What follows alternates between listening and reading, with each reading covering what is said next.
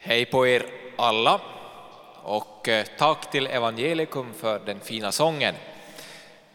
Roligt att så många av er är här, eller alla av er är ju här faktiskt.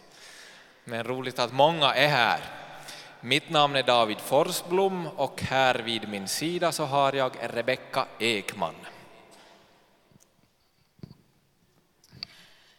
Eh, vi är några, några stycken som har fått äran att planera ungdomsprogrammet under kyrkhelgen. Och eh, han har redan presenterat sig, David Fossblom, och han eh, representerar SLEF. Så har vi Deina Fagerholm som har representerat LFF. Erik Lindqvist som representerar Karleby svenska församling och så jag som representerar förbundet Kyrkans ungdom. Och vi hoppas och ber och tror att ni ska trivas här tillsammans med oss. Yes. Och eh, nu är vi alltså samlade till ungdomsmässa här på denna fredag kväll. Vi har många medverkande med oss. Vi har Sebastian Seppo Vidjeskog som liturg. Sen har vi Benjamin Sandell med oss från, ända från Helsingfors faktiskt, som predikant. Sen har vi ett, eh, ett antal förebedjare. Jag kan redan nu säga att, att förbön, alltså personlig förbön, kommer att vara möjligt från och med att vi går in i nattvardsdelen. Så, så under nattvardsmåltiden och sen till slutet av mässan finns det möjlighet till förbön. Och eh, sen sist men inte minst så har vi också med oss ett en musikgrupp, ett band, lovsångsband, jag vet inte vad de kallar sig själva, men det är ett gäng som består av Viktor och Victoria Asplund, Sebastian Lassila, Samuel Eds, Esberg och Joel Snellman. Och eh, nu under den tiden som vi kommer att be här tillsammans får ni söka er upp och eh, så småningom leda oss in i den första sången. Men vi kan förenas i bön.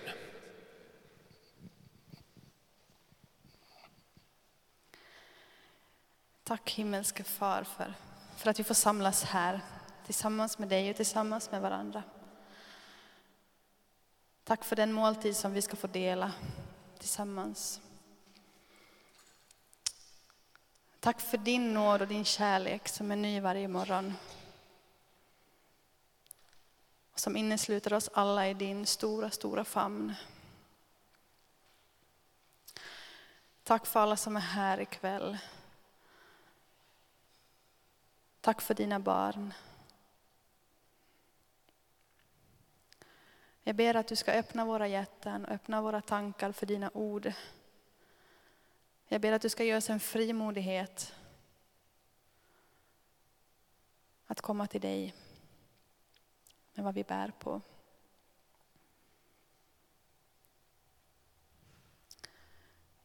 I Jesu namn. Amen.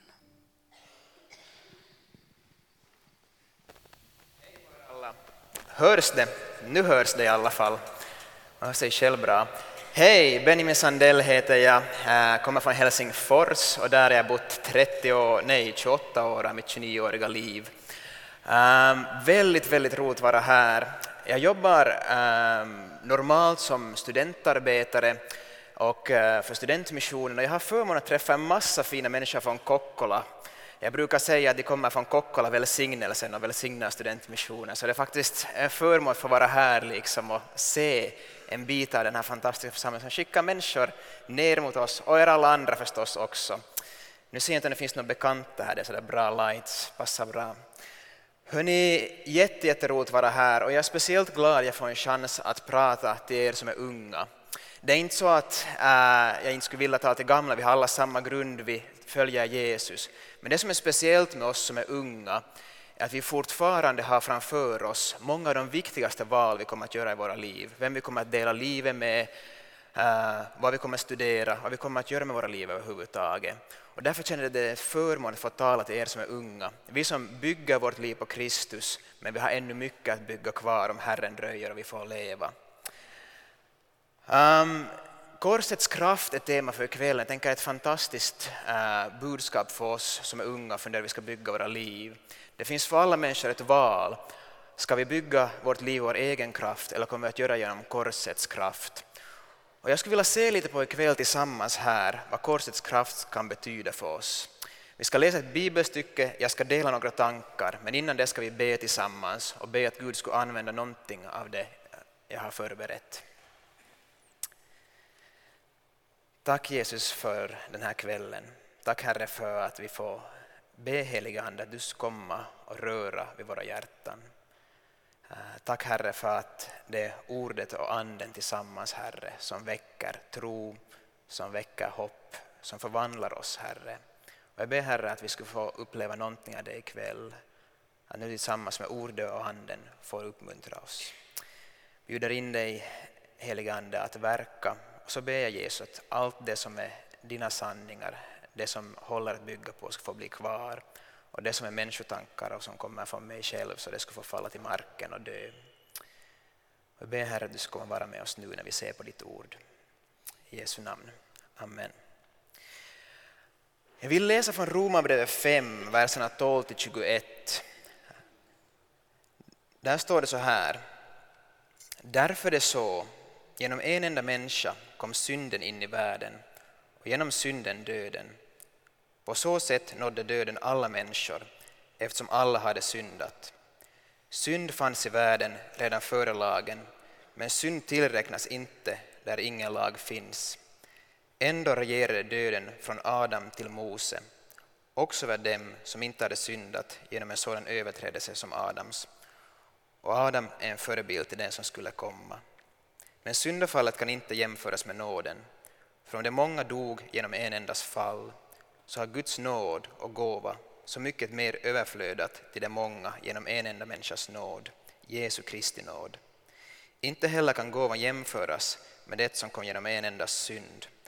Domen kom genom en enda och ledde till fördömelse, men gåvan kom efter mångas överträdelse och ledde till, en fri, ledde till ett frikännande. För om döden kom att regera efter en endas fall genom denna ände, hur mycket mer ska då inte det som tar emot den överflödande nåden och rättfärdighetens gåva få regera i liv genom den ende, Jesus Kristus. Alltså, liksom en endas fall ledde till fördömelse för alla människor, så har en endas rättfärdighet lett till ett frikännande, till liv för alla människor. Liksom de många stod som syndare genom en enda människas olydnad så ska också de många stå som rättfärdiga genom den endes lydnad. Dessutom kom lagen in för att fallet skulle bli större, men där synden blev större, där överflödde nåden ännu mer. Liksom synden regerade genom döden, så skulle också nåden regera genom rättfärdigheten och ge evigt liv genom Jesus Kristus, vår Herre.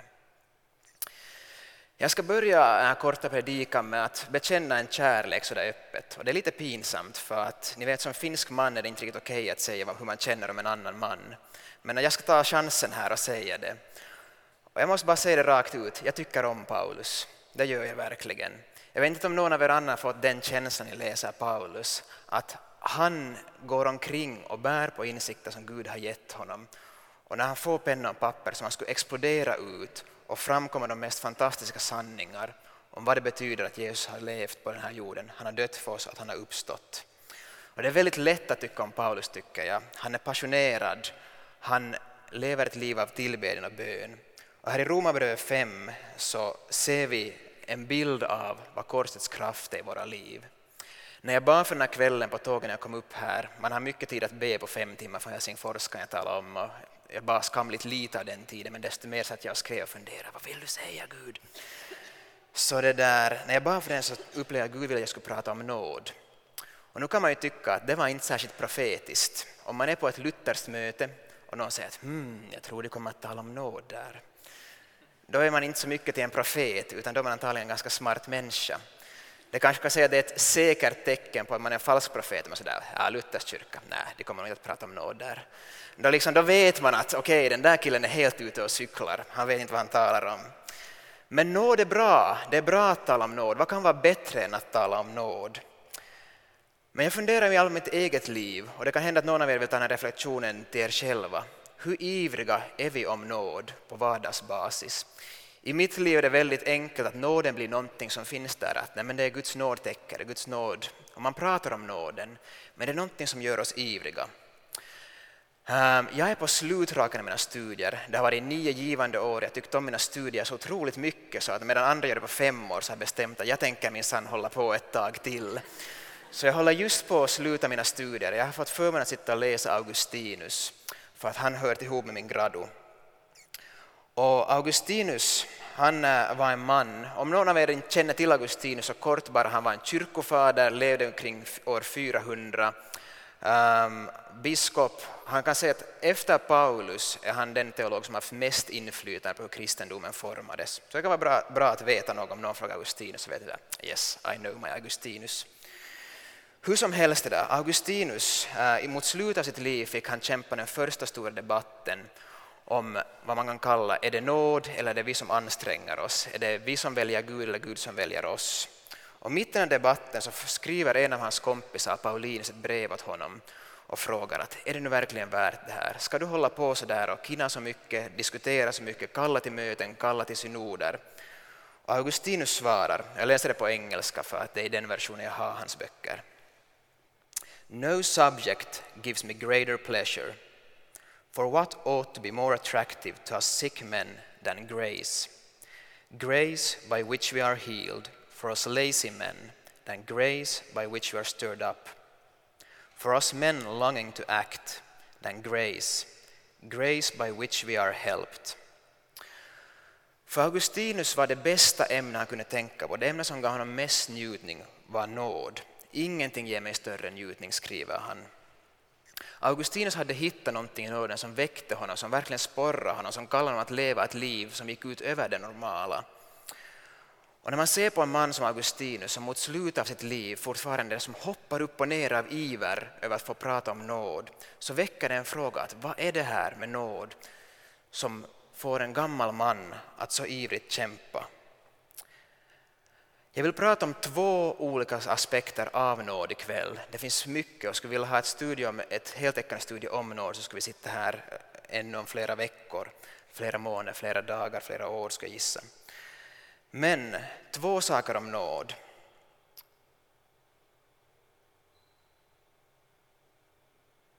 Nåd är botemedel för synden.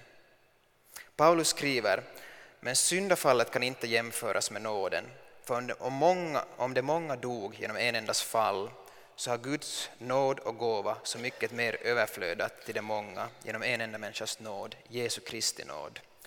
Nåd löser problemen med vårt förflutna. Jag vet inte om någon har tänkt på det här, men alla människor har ett förflutet. Det är inte så många människor som bara ploppar upp och säger att I'm brand new starting today, utan vi alla har ett förflutet. Eh, och på sitt sätt så har vi alla människor ett unikt förflutet. Vi har alla levt unika liv, unika personer. Gud har skapat oss varenda en, custom made. Det finns ingen som du. Samtidigt så delar vi alla i samma mänsklighet. Vi alla delar det som Paulus kallar för Adams arv. Och han skriver så här. Genom en enda människa kom synden in i världen och genom synden döden. På så sätt nådde döden alla människor eftersom alla har syndat. Och det här är den värld vi lever i. Fastän människor ibland kan vara kapabla av otroligt goda gärningar. Det har varit roligt att se hur när den här flyktingkrisen i Syrien nu drabbar hela Europa egentligen i förlängningen. Hur många öppnar sina hem, radikalt tagit emot människor och så på deras soffa. Och människor kan vara kapabla av goda gärningar. Men hur mycket gott vi än gör så gör vi aldrig så mycket gott som Gud har tänkt. Vi kommer aldrig upp till den nivå av godhet som Gud har tänkt ska vara från början. Och tvärtom, så fast vi är kapabla av gott så är vi också kapabla av ont och vi gör det ibland. Jag vet inte om eh, någon sätter fram det här problemet tydligare än Jesus själv.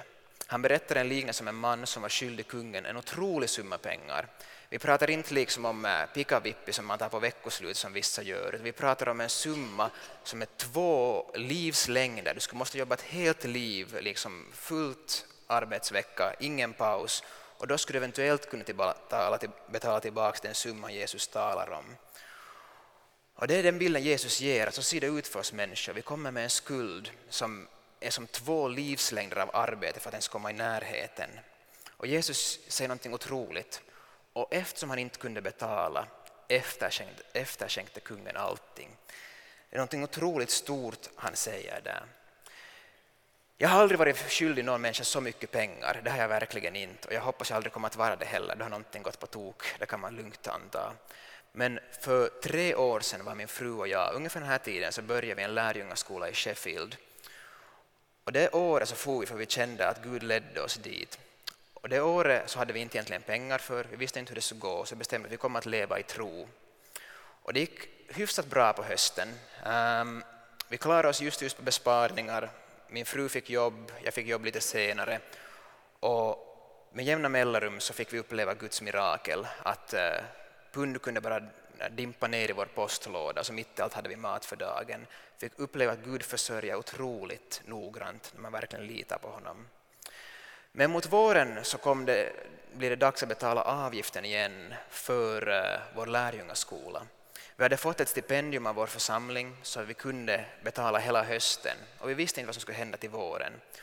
Och vi var skyldiga en summa på ungefär 1000, 1500 pund, 1000 pund ungefär, vad blir det, 1300 euro. Och det är inte så hemskt mycket pengar märker man när man kommer ut i arbetslivet, men för oss var det en otroligt stor summa. Vi hade som fem pund på kontot och kände oss rika när vi hade det. Men, eh, och vi visste inte vad ska hända med det här. Och en dag när vi kom in i kyrkan så sa bara vår lärjungskolledare att någon kom in i kyrkan och betalade era avgifter. De betalade rakt av en summa på tusen pund och vi vet fortfarande inte idag vem det var. Men jag kommer ihåg den känslan, det var en känsla av att få uppleva en nåd man inte förtjänar. Att någon gav en någonting man verkligen inte hade förtjänat. Och så är det med Guds nåd. Tyvärr så går inte vår skuld att mäta i pengar. Eh, Det svider ibland när Gud uppmanar en att ge och ge väldigt frikostigt för man märker att man lätt blir fäst vid sina pengar. Men i slutändan är pengar alltid bara pengar. Priset Jesus betalade eh, var ofantligt mycket högre. På korset ger Jesus sitt eget liv, han dör och han skiljs åt från Fadern. Någonting sånt går inte att mäta i pengar, men det ger en bild för oss av hur det är att se ut, att vara i skuld och komma fri. Och det är allt det för att, som Paulus säger i Romarbrevet 5, att vi ska ha tillgång till den nåd vi nu står i. Korsets kraft är att Gud kan erbjuda oss syndare nåd. Och det är härligt, vi behöver bli påminna om det här gång på gång. Men ett av problemen är att sådana här ord blir så jättelätt bekanta för oss. Ehm, man kan höra folk säga, speciellt om man känner sådana äldre människor, kan man säga att ja, det är inte härligt, genom honom har vi fått nåd och åter nåd. Och så man sådär bara att oh, ja, det låter bra. Och delvis kanske det är språket, jag vet inte, om någon av er har fått lön någon gång så brukar ni säga till era kompisar, jag har fått pengar och åter pengar. Det är, liksom, det är inte ett språk vi använder, så jag tror det är en utmaning för vår generation att uppfinna nya sätt att prata om tro på ett sätt som inte tar bort någonting av Guds sanning, men som gör det tillgängligt för människor. Så vi kan sluta säga att pengar åter pengar, eller vad ni nu kommer på för exempel. Då. Delvis är det språk, att vi bara liksom inte slutar reagera på någonting vi har hört väldigt mycket. Men jag tror det är också någonting vi måste intellektuellt förstå hur radikalt nåd är igen. Nåd är verkligen radikalt. En underbar församling i världen som heter Hillsong, för några år sedan hade de ett tema som heter The Scandal of Grace. Och det är ett fantastiskt tema. Nåd är en skandal. Nåd är liksom det som man inte väntar sig. Nåd är någonting som bryter det som människor tror att så här går rätt och rimlighet till. Nåd ändrar allt. Och jag tror vi behöver på något sätt upptäcka det igen att nåd är faktiskt skandalöst. Det är det att en kung säger att du är skyldig mig mer pengar än vi som ens kan föreställa oss. No, jag förlåter det. Inte så att det skulle vara lätt för kungen att göra det, det svider en kostnad för kungen. Men nåd är så skandalöst. Det är verkligen en förändring som sker där. Och det är den första punkten vi skulle vilja prata om, att vi behöver bli väckta av nåd igen. Att trots all smuts, allt som finns i våra liv, allt som vi gör på daglig basis som inte är av Gud, så det får vi förlåtelse för och vi får en ny start. Det är den första dimensionen av nåd och den dimensionen skulle jag aldrig vilja vara utan. Samtidigt finns det en till dimension av nåd. Jag kan lova att den här predikan har bara två punkter. Jag börjar med den andra nu så ni kan räkna ut att vi måste åtminstone vara halvvägs. Så ta det lugnt. Um, nåd är inte bara Guds förlåtelse. Det är inte bara att han stryker över ditt förflutna och säger att det är som att du aldrig ska ha syndat. Uh, ni kanske har hört den här bönen att Gud, Idag har jag inte talat illa om någon, jag har inte tänkt en ond tanke, jag har inte handlat själviskt, men riktigt snart kommer jag att stiga upp och då kommer jag att behöva din hjälp.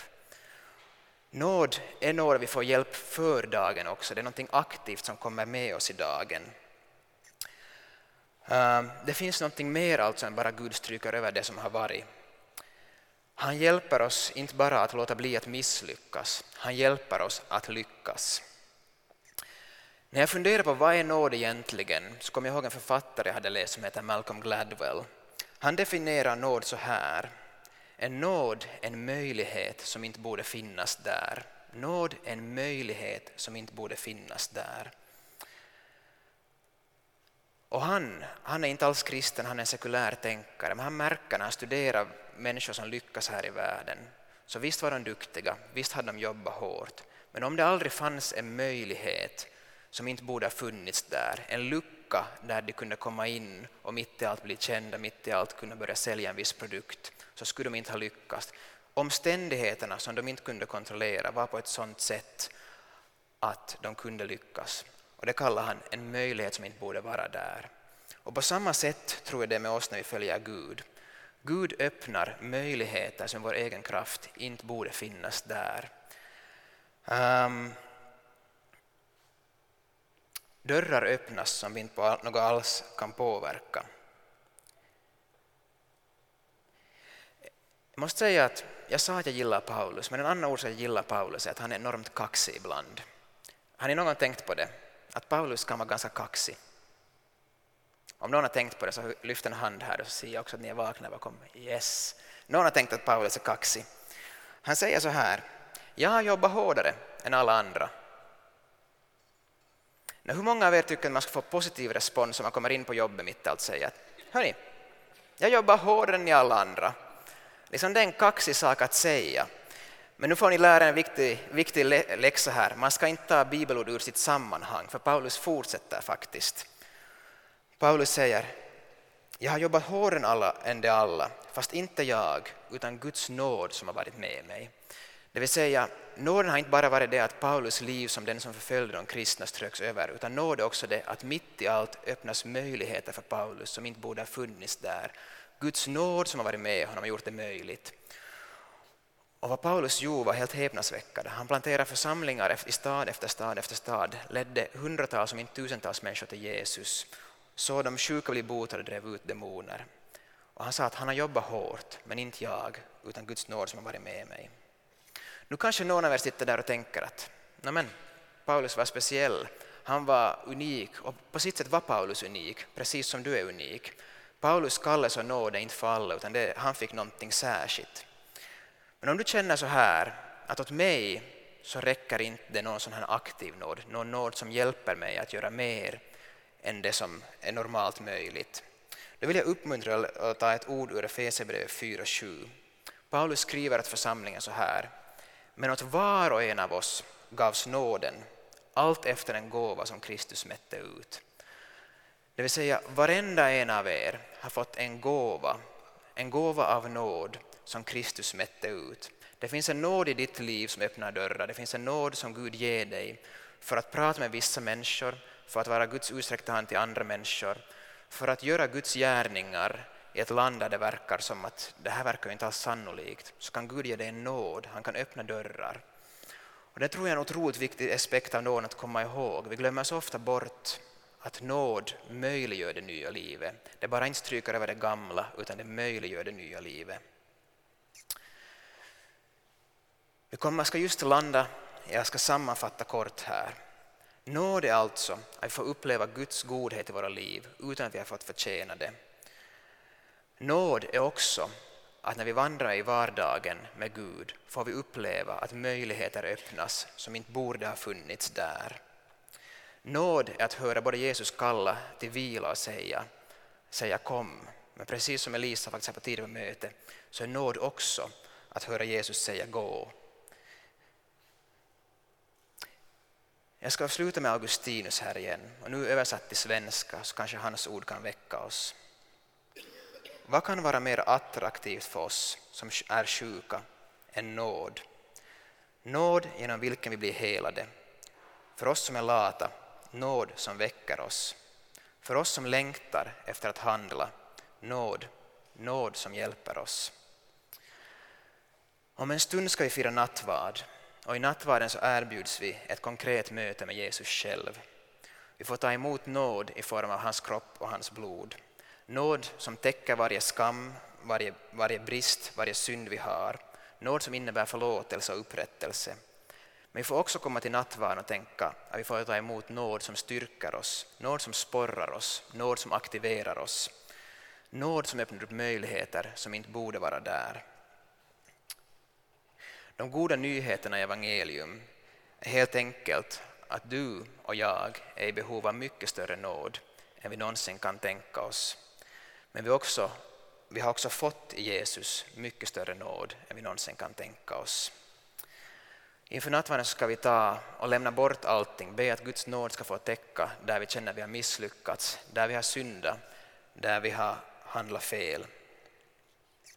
Vi ber och bekänner vår synd. Tack Herre för att vi får komma inför dig. Som min gode vän Matti sa, så du har inga falska förväntningar på oss, utan du vet precis hur vi är. Och tack Herre för att du har berett en väg för oss att komma hem till ditt, till ditt faders hus. Tack Herre för korset, tack för Jesus. Och Herre, vi bekänner att vi har inte levat så som vi ska borde. Vi har syndat genom hjärtats och handens tröghet. Och herre, jag ber att du skulle förlåta oss, Herre. Du skulle hjälpa oss att tro förlåtelsen och att förlåta oss själva. Men Herre, pekar du också ut i våra liv de saker du vill att vi ska lämna, där det finns obekänd synd, där det finns sånt som hindrar oss, Jesus, från att komma nära dig. Jag ber att du ska höra oss nu när vi var och en tyst bekänner det som tynger vårt hjärta just nu.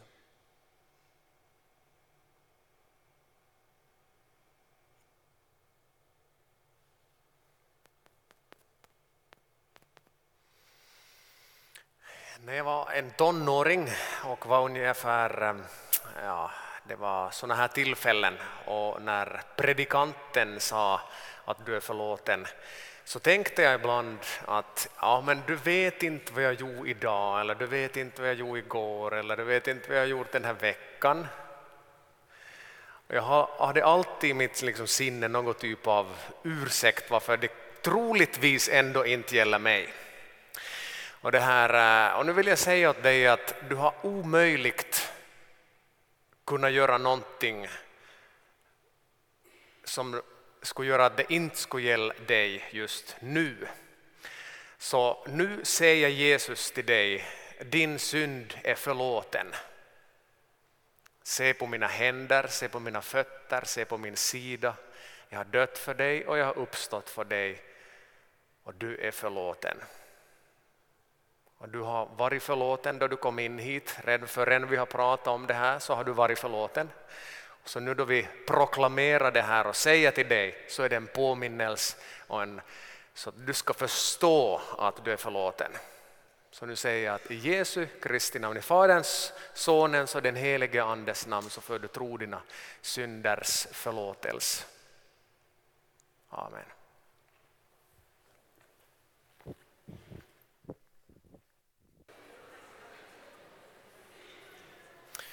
Okej, så fortsätter vi. Vi ber tillsammans. Himmelske Fader och skapare, vi minns med tacksamhet vad du har gjort för oss. Du sände din son för att rädda världen. Han blev människa som vi, men utan synd. Han uppfyllde din vilja i allt och utlämnade sig frivilligt till lidande och död för att vi skulle gå fria. Den natten då Herren Jesus blev förrådd tog han ett bröd, tackade Gud, bröt det och gav åt sina lärjungar och sade Tag och ät, detta är min kropp som offras för er. Gör, gör detta till minne av mig. Likaså tog han bägaren, tackade Gud och sa Drick av den alla, denna bägare är det nya förbundet genom mitt blod som blir utgjutet för många till syndernas förlåtelse. Var gång ni dricker av den, gör det till minne av mig.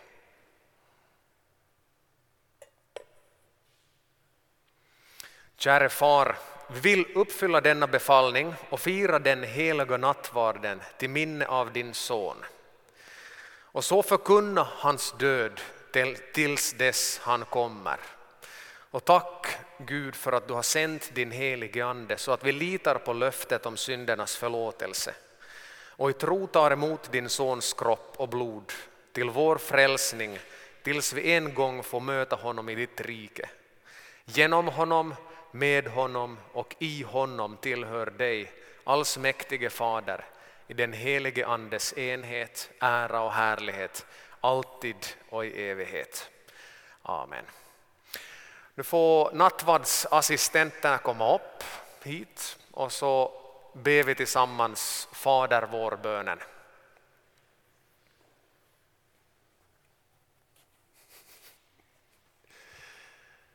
Fader vår som är i himmelen. Helgat vare ditt namn. Tillkomme ditt rike. Ske din vilja så som i himmelen, så och på jorden. Vårt dagliga bröd giv oss idag och förlåt oss våra skulder så som och vi förlåta dem och skyldiga äro. Och inled oss icke i frestelse utan fräls oss ifrån ondo. Ty riket är ditt och makten och härligheten i evighet. Amen. Jesus säger så här. Kom till mig alla ni som är tyngda av bördor, jag ska skänka er vila.